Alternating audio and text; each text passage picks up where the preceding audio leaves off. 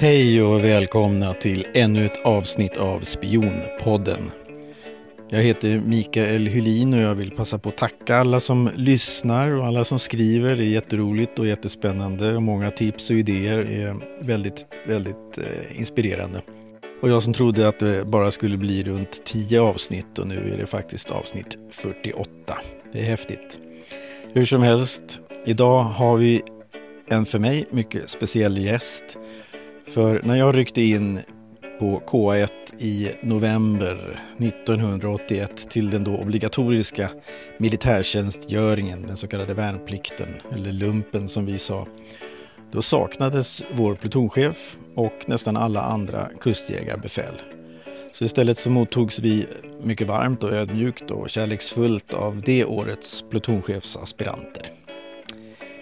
Ja, I alla fall så befann sig befälen istället på ett skär i Karlskrona skärgård efter orden Beredd borda ubåt. Det handlar givetvis om den grundstötta och eh, något man från början inte visste, den kärnvapenbestyckade sovjetiska ubåten U-137. I en unik intervju kommer vi nu få höra hur en som var där, en av dem som skulle hålla gränsen mot kärnvapenmakten Sovjetunionen. En av de mest dramatiska händelserna i modern svensk historia. Det är häftigt och en ära att få presentera den då nyutnämnde kaptenen, men idag pensionerade överstelöjtnanten Leif Ecka Eriksson. Välkommen! Tackar!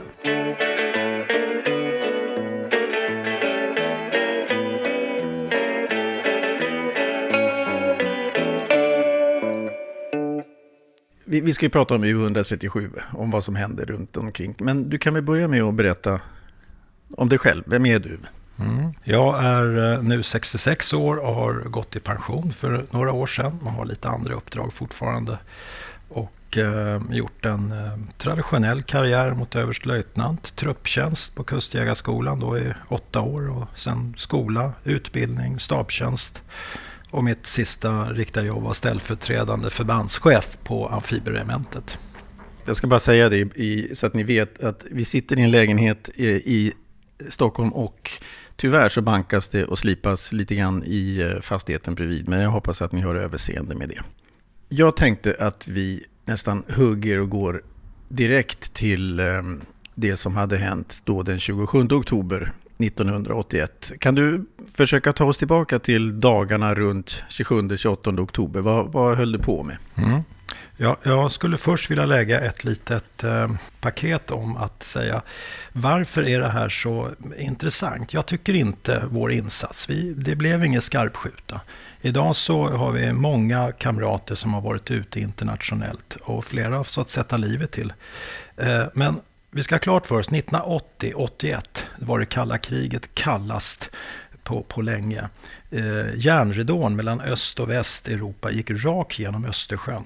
Vi hade ganska provocerande Sovjetunionen med starka marinstridskrafter som eh, var runt hörnet. Och helt plötsligt så träffar vi på en örlogsman, en ubåt, eh, bara på bara några meters håll och är med den här ubåten.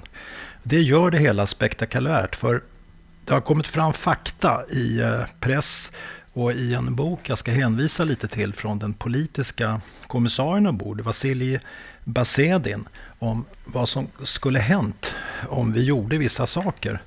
Det gör det hela att om inte alltså, om, om, Sverige, om Sverige hade agerat? Om Sverige hade agerat offensivt mot ubåten mm. så hade ju han fått direktiv från eh, sin chef att eh, eh, spränga ubåten helt enkelt. Eh, och det... Men nu, nu är vi ju där redan och då måste jag faktiskt fråga dig, men vad, vad hade det kunnat få för konsekvenser? Torpederna de hade ombord var ju kärnvapenbestyckade. Och om de hade gått av också så hade vi haft en Hiroshima i Karlskrona. Eh, min kunskap om det är för dåligt, men eh, jag hade ju inte suttit här. Utan det hade ju blivit en kraftfull smäll även om inte de här torpederna hade blivit sprängda. Eh, det är en ganska dramatisk order som jag ska citera hans, eh, snart här vad han, vad han säger för något. Eh, och det är jag är tacksam idag för att det inte blev så. Sovjet och överhuvudtaget hela östblocket höll ju på med en av de största eh, militära övningarna någonsin. Och det var över 100 000 man som höll på i, i dagarna och veckorna där omkring som hette Zapad mm. 81. Ehm, så, och, så det fanns ju ganska stora eh, sovjetiska resurser i, i närheten också. Eh, och därav kanske ubåtens, eh, ett av ubåtens uppdrag. Mm. Om jag då eh, går lite närmare till dagen så var jag hemma med min hustru. Vi var nygifta och vi väntade vårt första barn. Jag förberedde inrycket av dig på andra kustjägarplutonen med flera. Och eh, det var förberedelser och övningsplaner och göra ordning allting. Men eh, jag läser, såg nyheterna dagen innan att det var en ubåt på grund i Karlskrona. Då reflekterade inte jag så mycket över det. det var 17 sa jag. Men eh, dagen efter när jag kom till jobbet, då gick det hela väldigt fort. Eh, kompanichefen kom springande och sa att Eh, samla ihop era stridsutrustningar, era normalutrustningar. Det är en eh, utrustning som gör att man kan klara sig ett dygn ute med lite mat, ammunition och eh, förstärkningskläder. Och ställa upp om en halvtimme utanför. Och jag fick tag på ett antal sergeanter, fänrikar, löjtnanter och några till. Och vi, en plus tolv skulle vi vara, men jag tror att vi blev någonting mellan 16 och 18 stycken.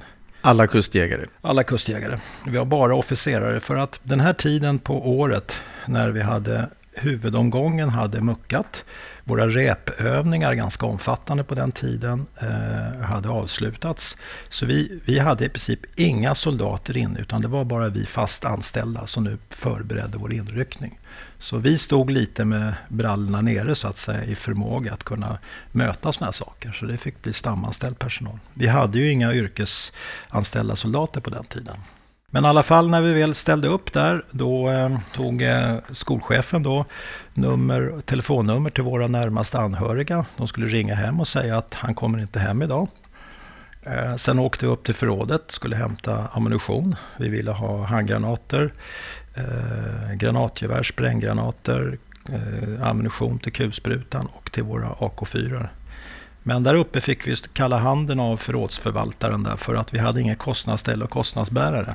Det är en sån här äh, fredsorganisation, så vad ska ni ut och kriga? Men äh, då ringde vi regementschefen, den gode Per Lundbäck, som var chef då. Så han kom ner och pekade med hela handen och så var det klart. Sen åkte vi iväg.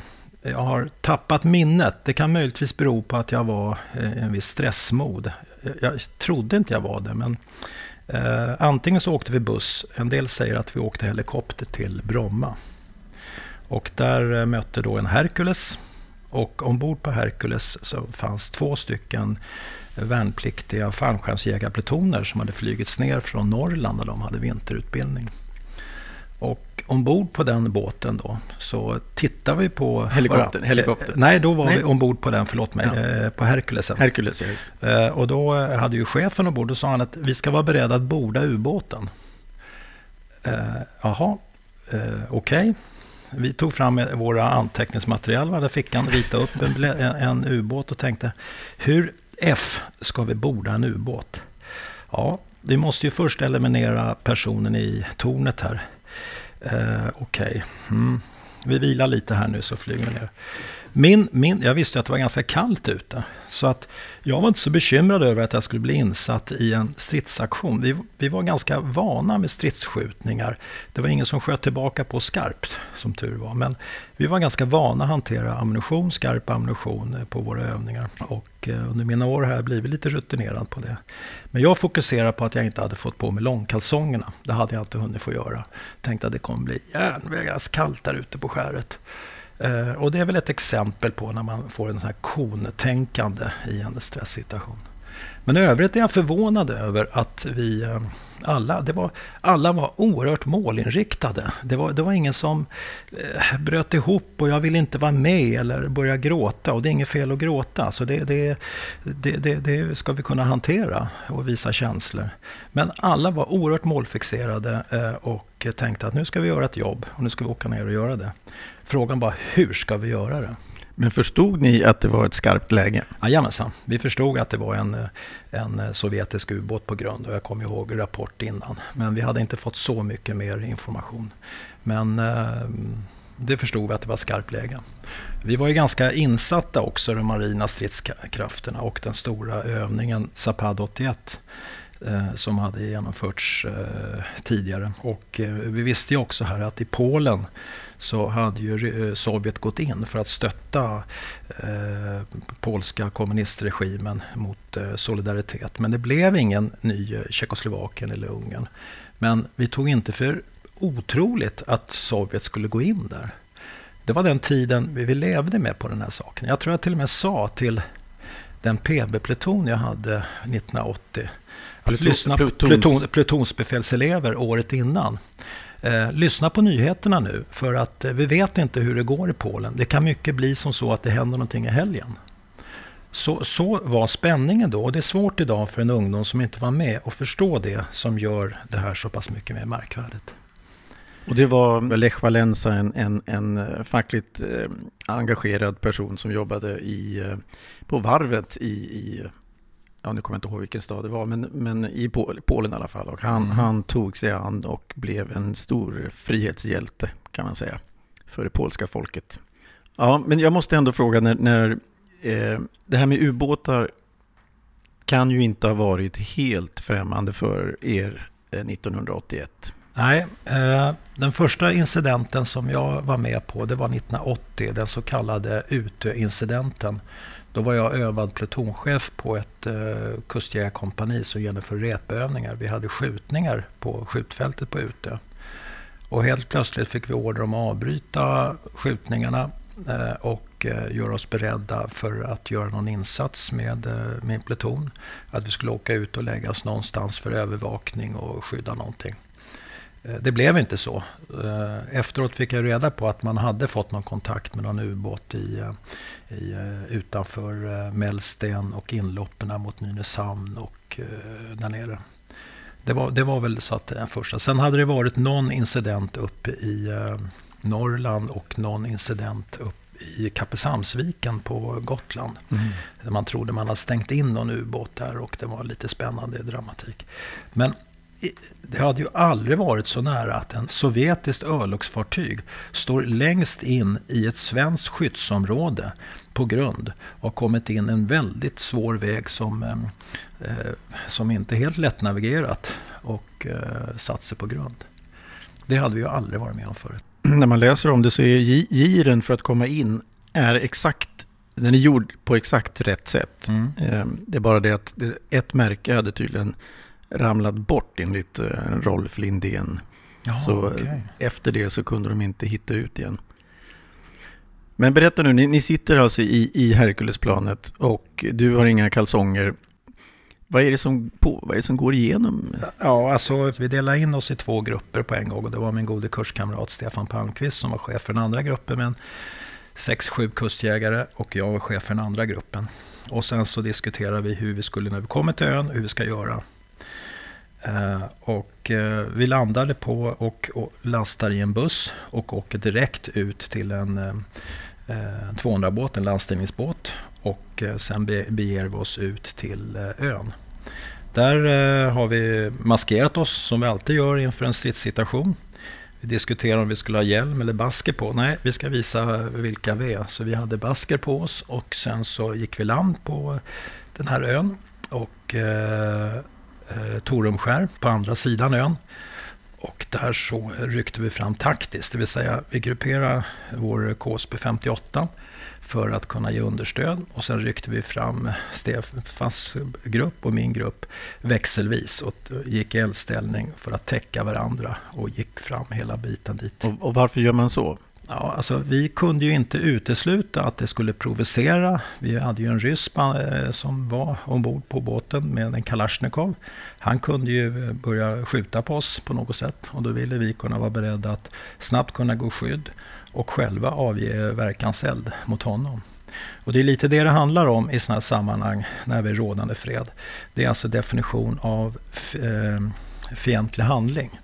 Och fientlig handling är ju väldigt tydligt om jag avger eld mot någon. Mm. Men fientlig handling kan även vara att man pekar med sitt vapen på någon. Men vad hade ni, hade ni fått någon typ av, av underrättelse om hur ni skulle...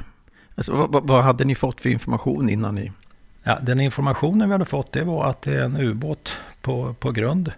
Eh, vi ska eh, ta oss dit och eh, börja med att bevaka ubåten. Mm. Och sen ska vi öva på att, hur vi ska göra för att borda en ubåt. Och då bestämde vi oss för att efter vi hade etablerat oss där så är det en, en av oss, och jag kommer inte ihåg om det var jag eller Stefans gäng som åkte tillbaka. Vi grupperade en åtta man på plats och sen åkte det andra till örlogshamnen och och började att öva på en ubåt och se, eh, öva eh, hur ska vi göra för något. Den låg i förtöjd. Och så tänkte vi, ja, här måste vi först eliminera posten ombord och då måste ju vi skjuta. Vi kan ju inte bara gå fram och hoppas att inte han ska göra någonting. Men eh, kan vi göra det? Ett, bedömningsfrågetecken. Och vart efter vi tänkte, ja sen ska vi ta, gå ombord den där hal. Vi kommer ju kunna halka av båten. Men eh, vi insåg det här att det här är för svårt. Stefan, eh, eller jag som nummer två, gjorde samma dagen efter och tittade och övade och försökte. Nej, det här är en sån tuff uppgift. Så att eh, det här anmäler vi till högre chef. Det här kommer kosta så mycket så att det här är ingenting vi ska göra. Och eh, det lyssnar man på. Jag fick ju förmånen ett par år senare, 84, att åka till eh, engelska Royal Marines. De har ett specialförband som heter Special Boat Squadron och delta i deras utbildning där de eh, bordade oljeriggar och fartyg med yrkesanställt folk. Eh, och då insåg jag att vi spelar inte i samma division. Okay. Idag skulle vi nog kunna göra det, för idag har vi egna specialförband som är anställda. Mm. Så idag har vi en helt annan förutsättning att lösa en sån här uppgift. Men du, jag har läst någonting om någon stege. Stege, ja. En stege, att man skulle försöka använda sig av en stege och komma upp. Ja, absolut. Vi hade en eh, aluminiumstege ja. som vi skulle bära med oss. Och då skulle vi ställa den längs ubåten, eh, upp mot tornet. Och sen skulle en man säkra den genom att hänga bakom stegen och hålla i den. Och sen skulle man sp springa upp på den där. Medans eh, någon, eh, två stycken skyttar skulle ligga på land och hela tiden observera tornet med, i sina kikarsikten på sina AK4. Och på så sätt skulle vi komma upp. Tanken... Eh, så man skulle hålla nere någon som skulle försöka Exakt, komma upp? om det var någon som kom upp och visade fientlig handling mot oss. Eh, och så skulle vi, och det, det kan ju, det, så långt kom vi aldrig på den förberedelserna, men att öppna eld direkt i sån här sak, det hade ju inte kunnat göra, utan då var ju posten i så fall tvungen att visa fientlig handling genom att rikta sitt vapen eh, mot oss om vi hade kommit dit på så sätt. Och det ska jag uppriktigt säga att den posten som var där uppe, eller de posterna, de riktade aldrig eh, mot så länge jag var med, eh, sina vapen, Kalashnikov, mot oss. De hade dem hela tiden på bröstet. De visade ingen fientlig handling. Det är kanske några andra som andra har sett andra iakttagelser. Men vad jag läser från när vi kom dit så, så har ju han eh, eh Vasilij Besedin utifrån den här boken Inifrån U137. Först den halva boken har han försökt förklara hur fel de navigerar och att det helt, var helt oskyldigt allting. Eh, lite intressant läsning. Man fick order av marinstaben att organisera en god bevakning och skydd av ubåten. Släpp inte någon ombord. Jag ansåg att det var föga troligt att svenskarna skulle attackera ubåten, men vi hade lärt oss att genomföra givna order och inte ifrågasätta. Jag beväpnade själv med en extra Makarov-pistol och gick upp i tornet och vi hade tio stycken Kalashnikov ombord som jag delade ut till eh, alla officerare för att vara beredd. Eh, spänningen blev mer och mer spänd timme för timme. Sen kommenterar han när vi kom dit och vad var det för några som fanns på skäret innan oss? Jo, när ubåten väl var där så var det, hade vi alla militära förband eh, något som kallas en beredskapstropp, 12 man med en chef, som då ska kunna mö, eh, möta en sån här sak och visa svensk eh, suveränitet och närvaro.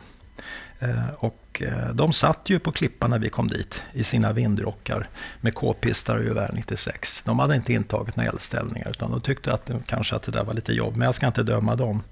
Men det var en total skillnad jämfört när vi kom dit. Och då skriver han så här i boken. Denna dag, det var den andra dagen då, blev hela förbandet i land utbytt. Istället för våra soldater och gränstrupperna som vi kallar dem kom ett annat förband soldater med landstigningsbåt.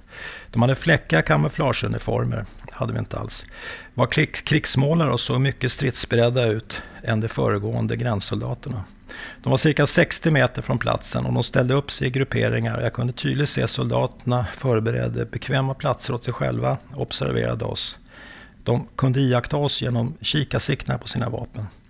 Det hade tydligen skett ett vaktskifte till ett annat, mer vältränat förband vid ubåten. Soldaterna demonstrerade för oss att de var redo att öppna eld när som helst och att vi var måltavlor som de ständigt höll i sina sikten. Det betydde att något hade hänt. Troligen gick de diplomatiska förhandlingarna inte speciellt lätt. Jag tänkte under de här omständigheterna var en väpnad attack från kustförbandet relativt möjligt. Hotet kändes mycket reellt. Om svenskarna planerade för att dra loss ubåten så skulle de väl inte ha gjort så här. Det ledde till frågan, skulle de försöka genomföra en attack mot oss och ubåten? Marinstaben instruerade oss att förstärka ubåtens bevakning.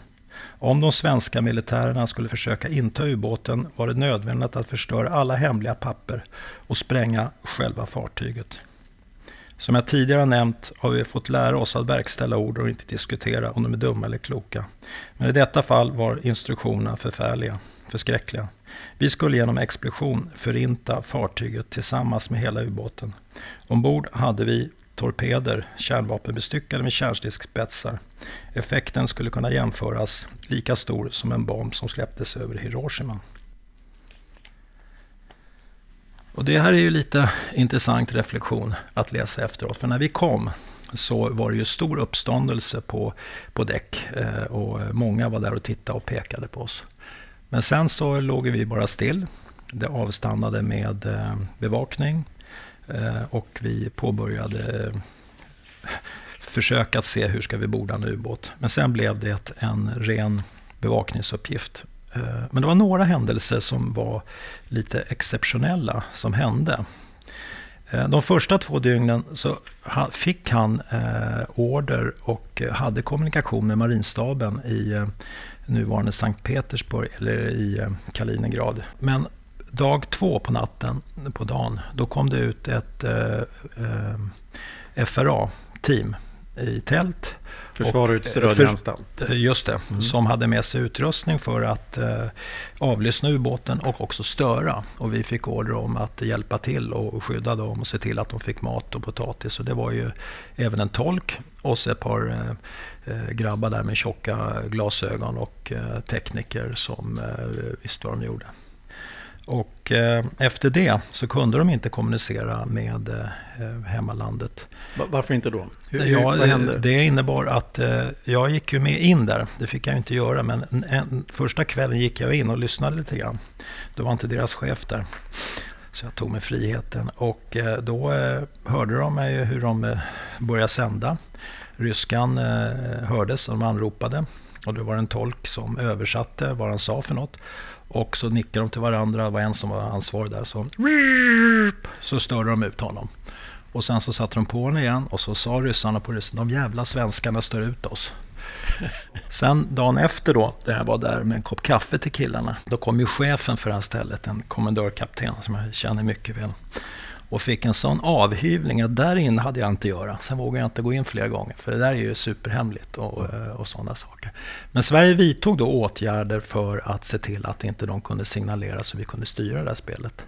Och därför hänvisar han just fram till den här stunden att han fick order från de här sakerna. Sen så pratar han inte mer om det. Utan då blir han instyrd. Han nämner ingenting om det där i boken, men, men eh, så var det. Det var, det var intressant.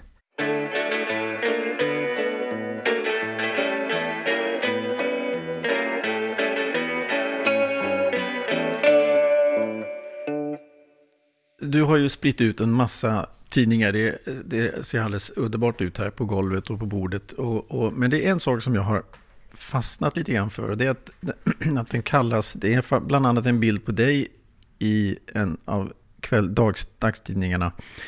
Och så står det spionubåten.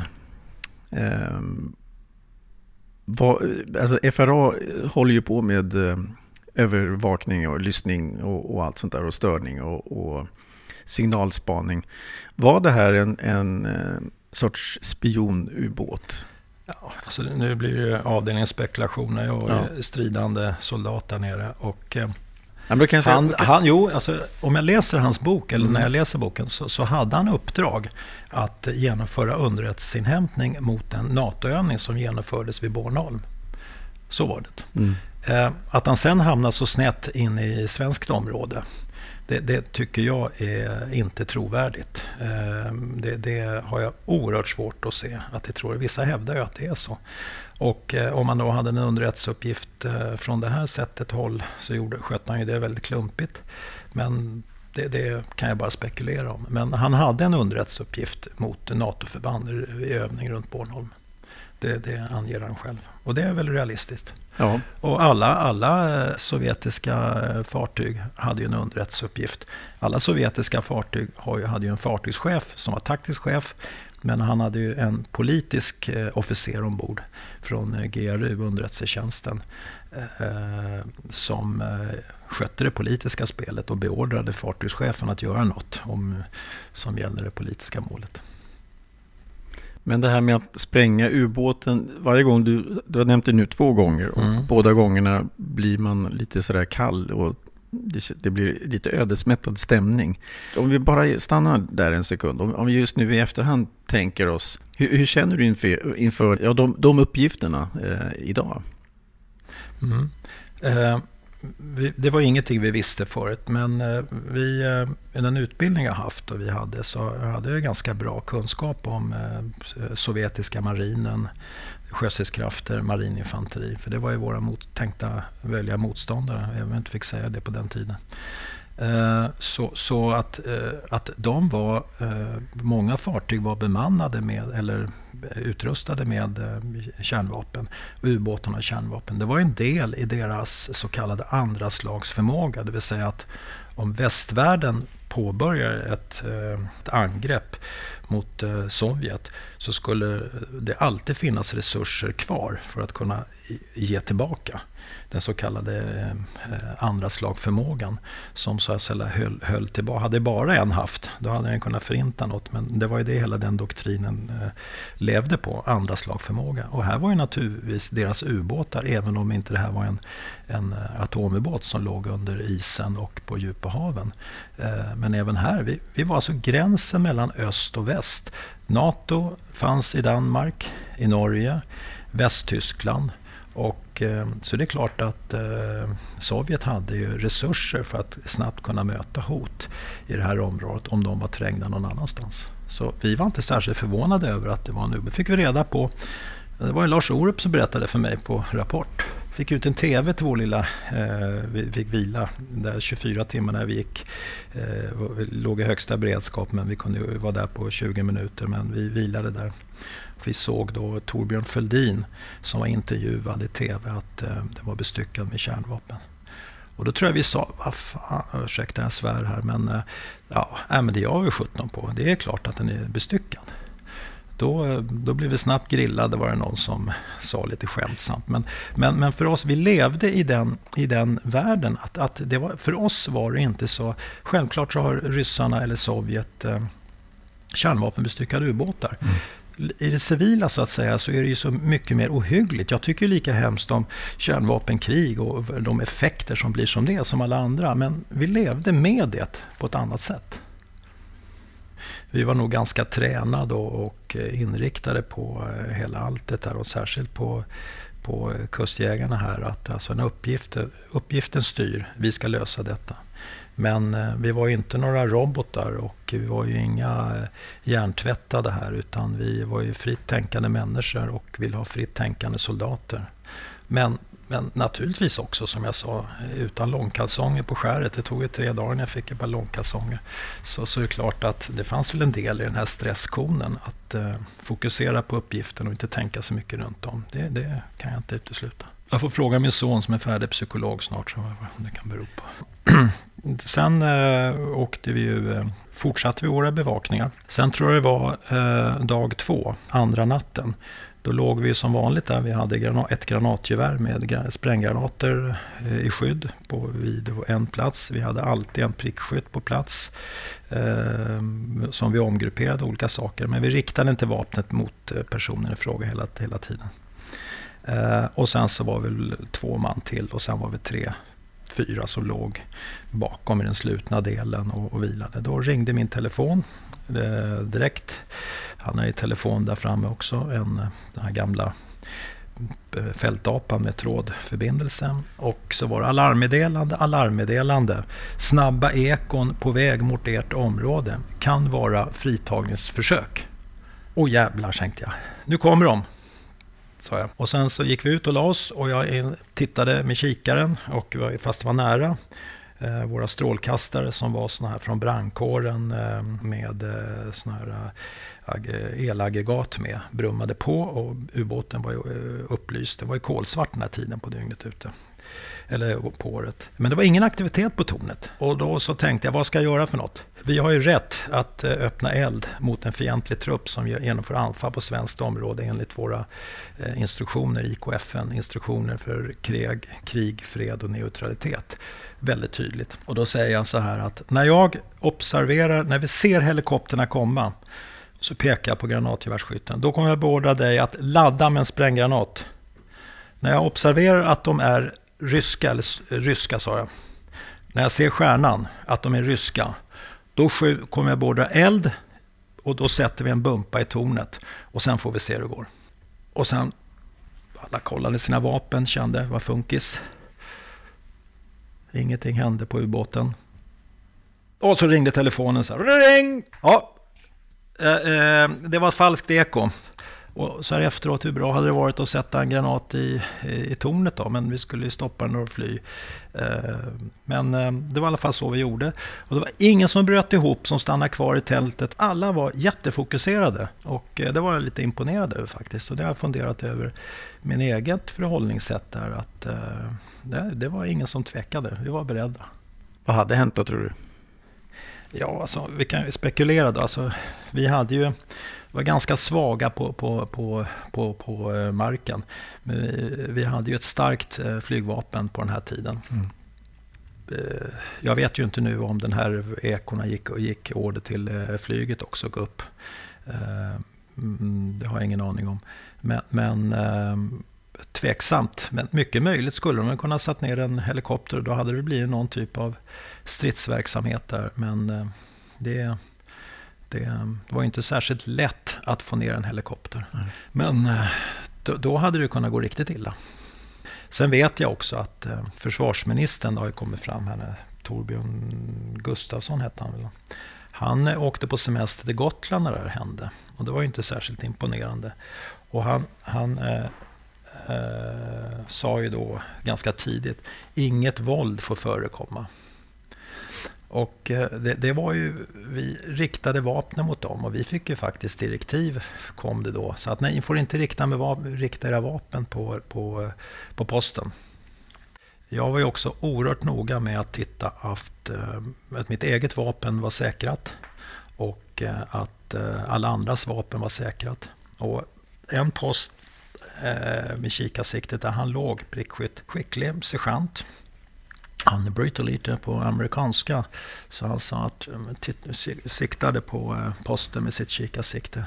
Vi har aldrig varit så nära ett världskrig förut. Det, det, var ingen nojig kille utan han hade koll på läget. Och det har gått ett rykte att den här historien har vuxit. Att han hade fingret innanför varfygen och, och pressade avtryckaren för att känna tryckpunkten. Och det är bara en skröna. I alla fall när jag var med. Han skötte sig på ett bra sätt. Men han uttryckte de där orden. Vi har aldrig varit så nära ett världskrig förut. Och det, ett, ett, ett sånt där vådaskott eller skott, det kunde ha ställt till en hel del. Mm. Jag skulle gärna vilja kommentera lite om eh, den uppståndelse som blev i tidningarna och i Rapport. Och vi fick ju ett, eh, ett besök av ett pressuppbåd eh, efter ett par dagar. Och det var både tysk, engelsk och amerikansk press. För det här var ju en stor uppståndelse, eller händelse i hela världen. Och har ju en, en kollega som var i USA då och eh, hade led, tjänstledigt och studerade. Och där kablade de ut på eh, deras, vad det hette då, CNN. Well, in Swedish naval base, we have whisk on the rocks on, on, the, on a shore and we have Swedish Marine Guard in it. Och sen visar de en närbild på mig. Eh, och, och, några av, av, mina eh, killar där och kollegor som kablas ut. Samtidigt så sitter hustru som hade fått ett telefonsamtal från chefen som sa att eh, han är ute på ett uppdrag, jag får inte berätta vad det är. Och tittade på Rapport. Och där sitter de och så säger de, men det är ju Leffe på TV. Och där sitter jag då med AK4 och basker och sen så massa ubåtar. Och då började Susanne, hon förstod nästan att det var det, men hon visste inte.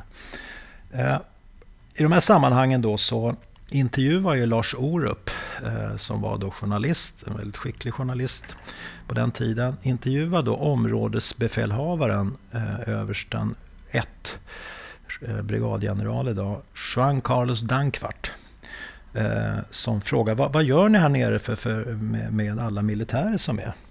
Ja, vi förbereder oss för olika händelser. Ja, men hur många kustjägare är det? Vad, vad, är det, vad har ni för några? Vi har kustjägare och fallskärmsjägare. Så vi är beredda. Ja, hur många kustjägare är det då? Är det ett kompani? Ja, det, det är något sånt. Vi är tillräckligt för att kunna möta olika händelser. Sen står det dagen efter i tidningen här att eh, elitkompani på plats. Då tänkte jag på eh, våra 16 gubbar vi var där. Eh, men han uttrycker sig på så sätt. Samtidigt så är fallskärmsjägarnas värnpliktiga tyckte det var lite tråkigt så de frågade skulle inte ni kunna göra lite någon övning, landstigning med oss? Ja, visst kan vi sysselsätta er med det. Så de ville bli undervisade? De ville bli undervisade, så vi utbildade en landstigning gör man så här och sen så körde vi det och sen gjorde vi ankörningar, full fart och sen full stopp och så pang upp och sen ut med dem. Då är den här pressen på plats och då säger de så här, kan ni inte göra det där en gång till? Ja, visst kan vi det, sa vi. Så ut igen och sen så landstiger, i en 200-båt som är kustjägarnas båt, landstiger Eh, vinröda baskrar med AK4 och regnrock, ingen stridsutrustning, och springer upp på skäret. Och det kablas ut över hela världen. Och då undrar de liksom, fallskärmsjägare i en, i en landstigningsbåt, vad är det som händer? Men det visar ju lite då på Jean Carlos eh, Dankvart, områdeschefen, säger det att vi är beredda att möta olika händelseutvecklingar och öva för det. Och jag vill nog påstå att han lyckades på något sätt göra en psyops, en psykisk operation och ge ett intryck av att det var starkare än vad vi var. Och det där lyssnar vi säkert eh, ryska ambassaden på här och, och, det kan väl inte uteslutas att man lyckades till del i det att vi gav ett intryck att vara starkare än vad vi var. Och vi hade ju också en ubåt vet jag, Näcken, som försökte preja HMS Näcken, preja bärgaren som kom in. Som kom väldigt nära? Ja, som kom väldigt nära. Men sen så lyckades han inte, han inte navigera, men han drog sig undan. Vi hade säkert fler ubåtar ute som låg beredda i olika sammanhang. Det, det vet jag ingenting om. Ja, en ubåt vet man ju ja. var ganska nära, men som, ja. men som man skrämde bort precis. Men, men där gjorde Jean Carlos, tycker jag, en eh, stor insats. Och jag insåg det först efteråt. Men var det inte också att man hade fått dit en, en alldeles ny eh, kustartilleripjäs av en slag, men, men, som inte var i bruk, men man, men man kunde låsa radar och ja. grejer som, som också skrämde dem. De låste ju sina eldledningsradar i eldledningsmod. Och det är klart att en, en, en yrkesman ombord på ett fartyg vet att nu är jag utsatt för ett hot. Och därför höll de ju gränsen som statsministern sa. Håll gränsen. Det var ju rules of engagement som hette duga. Det är ett kraftigt statement av en svensk statsminister. Oerhört bra gjort av honom att vara så tydlig och inte flumma runt. Han var glasklar. Håll gränsen. Och det var ju tydligt. Mm. Och eh, hade de gått innanför gränsen så innebar ju det att eh, militärbefälhavare hade ju kunnat eh, beordra eld. Mm.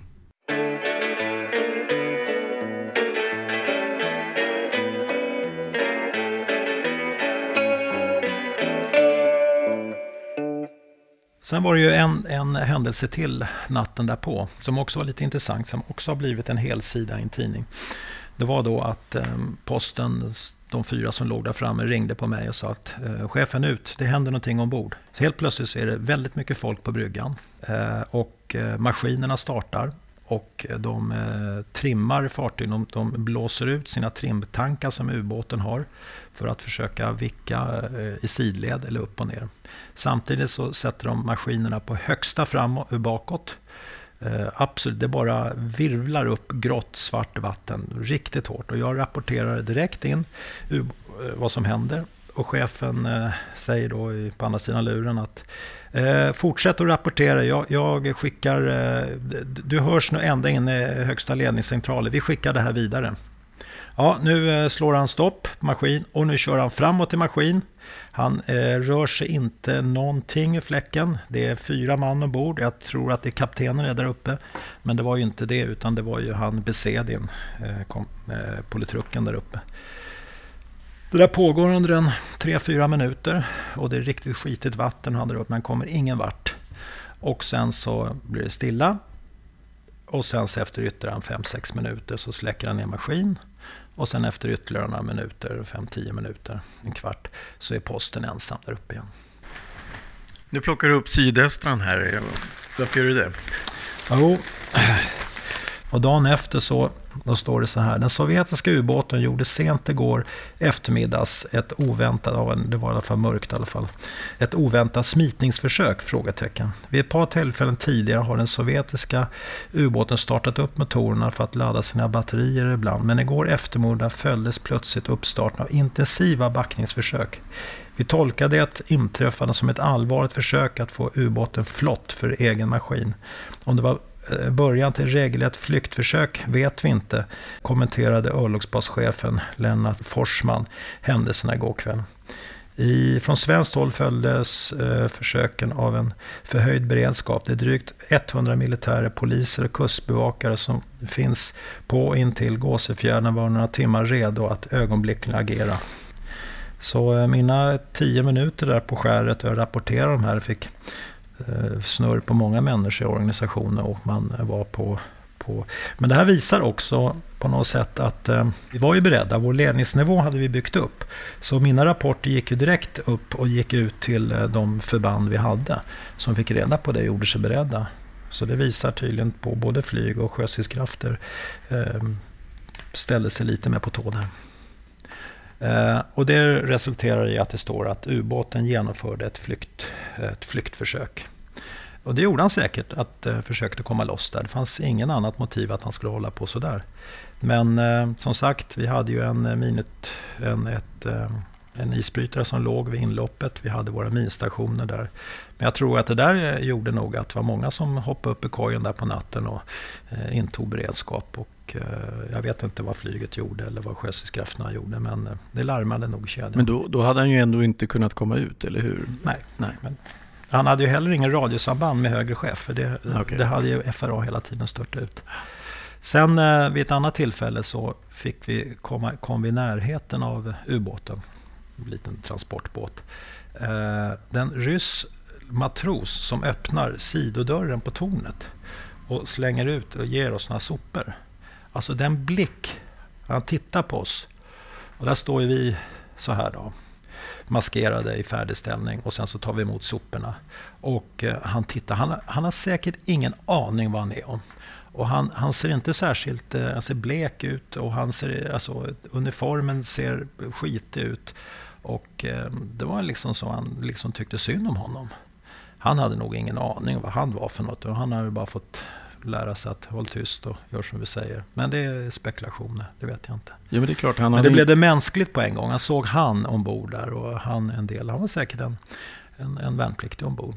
Sen tror jag att de hade några fler än politrucken ombord som var eh, eh, tillhörde GRU eh, specialförband eller någonting. Det är jag helt övertygad om. Men det är spekulationer. Men den synen när man såg den där killen kände liksom han vill nog komma hem snart. Den där ja, det är klart om man tänker efter så eh, han har väl inte fått titta ut eller se var han är någonstans och han har kanske inte ens fått veta var han är någonstans. Nej, förmodligen inte. Nej. Det, var inga, det var inga sightseeing uppe på däck där utan det var politiska politrucken och så var det posten. Eh, och kaptenen tror jag icke jag såg. När vi, trodde, vi trodde faktiskt att det här Besede var kaptenen. Han står ju på filmer och bilder och sånt och viftar bort mm. de här pressbåtarna och slår med händerna, eh, flyttar på det. Eh, sen när vi ser då Piotr Gushin, eh, kaptenen, kommer, kaptenen mm. kommer upp för han ska åka in till land och förhandla där. Då, i eh, full uniform och stor mössa som blåser av och hamnar i vattnet. Det var första gången efter fyra, fem dagar som vi såg honom. Men, men efter, eh, det, det, var ju de här incidenterna. Först eh, order om att vara beredd borda ubåten. Eh, därefter, hur ska vi göra? Mm. Eh, förberedas för det. Alltså, vi höll på ett antal timmar och insåg nej, det här både Stefans grupp och jag. Och så snackade vi vid om det. Nej, alltså det här ska vi, det går inte. Eh, så efter tio dagar så var det skönt att komma hem faktiskt. Det var inget snack om det. Och som alltid när man varit med och sådana händelser. Så vi hade ju debriefat oss och vi hade ju inte varit i en stridssituation, men vi hann ju prata igenom det här. Och vi fick, också, fick faktiskt eh, lyfta med fallskärmsjägarna upp till Stockholm med en DC-3. Det var ju kult att få åka en sån också. Och landa på Bromma. Sen kom jag hem till hustrun och hade fixat middag. Och sen somnade jag ganska tidigt. Sen mitt i natten eh, så, så vaknade jag upp då så här. Och då var jag ju kvar där ute på skäret. Så jag vaknade upp, ställer mig upp och springer runt i rummet. Vad är min AK4? Vad är vapnet? Och så ser jag på hustrun, hon springer upp och kramar sig. Du är hemma nu, ta det lugnt, ta det lugnt, gå och lägg dig. Men det var ju så ofta efter övningar också, sånt. man var ju så inne i det där. Och så kom man hem och sen så drömde man och det briefade sig så. Men då var det skönt att komma hem som sagt. Men om jag återgår till UAN så, kan man om, man, om man tar lite eftermäle, så är det en sak i alla fall att Svenska försvaret och marinen insåg att det här kan hända igen. Vi mm. måste ha en bordningsstyrka som är värd namnet. Eh, vi fick då uppgift på Kustjägarskolan, det var väl Jocke Seifert då, som var kompanichef, som var chef, att organisera en bordningsstyrka, analysera vad behöver vi ha för resurser. Och då gjorde vi ganska nogsamt arbete. Vi fick eh, revolvrar, vi fick avsågade hagelgevär med 8 mm. Vi hade eh, eh, fallskärmsjägarnas, tror jag, AK4 med infällbar kolv. Eh, och ehm, sen övade vi på svensk ubåt och vi skulle, hade ju också en, att en tolk skulle vara med. Eh, och eh, den där styrkan fanns kvar, den kallas för fotbollslaget för de var hemliga. Vi hade allting i en container och den stod utanför vakten och den flögs faktiskt ner till Karlskrona 84. Då var inte jag med. Det var Stefan som skötte det då och sen så eh, vid andra tillfällen. Och då hade vi blivit var vi lite mer varma i kläderna för att borda en ubåt. Och vi skulle ju inte gå ner i ubåten utan vi skulle se till att kunna, om vi fått upp en ubåt, boxera den in till kaj. Och då hade vi så att säga sån här eh, riktad sprängmärkan eh, granater Eh, om de hade fungerat vet jag inte. Vi skulle kunna skjuta ett hål i skrovet så de inte skulle kunna fly. Men där eh, var vi också skeptiska att ta det här är en oerhört tuff uppgift. Och vi måste ju då skjuta posten och kan vi göra det? Och, och sen efter min, mitt besök i Royal Marines där så insåg jag liksom det här är för tuff uppgift för ett antal eh, officerare som har hand om utbildning. Utan här krävs Special Forces, specialförband att göra sådana uppgifter. Om de övar på det idag, det har jag ingen aning om. Men... Så det här var innan Sverige började med sina... Ja, precis. Det var innan Sverige började med sina specialförband. Så vi mm. hade den där styrkan. Vi hade taktisk eh, målsättning för den också som var fastställd. Mm. Och den existerade formellt eh, en bit mot slutet på 80-talet. Mm. Eh, den användes då för kvalificerade inhämtningar istället. Sen att vi genomförde genomsökning, spaning, även i civila kläder när tillsammans med, med eh, polisen. Eh, så att, eh, då, då, det blev ett eftermäle på den där. Sen började ju de här ubåtarna dugga in. Från 1980, Utö-incidenten. Mm. Sen den här. Sen kom ju flera. Och jag vill inte här sitta och diskutera och spekulera huruvida det var ubåt eller inte. Vissa var inte det och vissa var det. Så att det kan vi lämna därhen. Men, men för oss, vi åkte ut då att la oss för att observera vissa sund. Eh, flottan försökte då tränga in med sina instrument eh, en ubåt någonstans och vi, det lades ju nät och vi skulle då vara beredda. Sen var det då det här med dykare, eh, dykare inne. Då hade vi faktiskt polisen med oss och hundar på vissa ställen. Som hade kommit med små ubåtar då? Eller? Ja, precis. Mm. Det, det fanns i de diskussionerna. Men för oss så var det ju då, så det var en uppgift vi gick ut i mörka skogen och mörka skäret. Vi visste inte om vi skulle möta någon. Alltså vi var ju på spänn och vi låg ute eh, veckovis ibland. Eh, ibland var jag ute sju, sex, sju veckor. Det fanns inga mobiltelefoner så jag kunde inte ringa hem. Så vi var ju bara borta. Så här eh, fick hemmafronten ganska tufft. Det var likadant för sjöofficerarna. Man var hemifrån mycket och det slet på relationer. Sen slet det även på Eh, när man träffade på civila mottagningar. Jag hade ju sådana också. Eh, och då kommer, en gång kom jag ihåg att det kom en liten, liten tung kille fram till mig som hade tagit ett par knappar för mycket.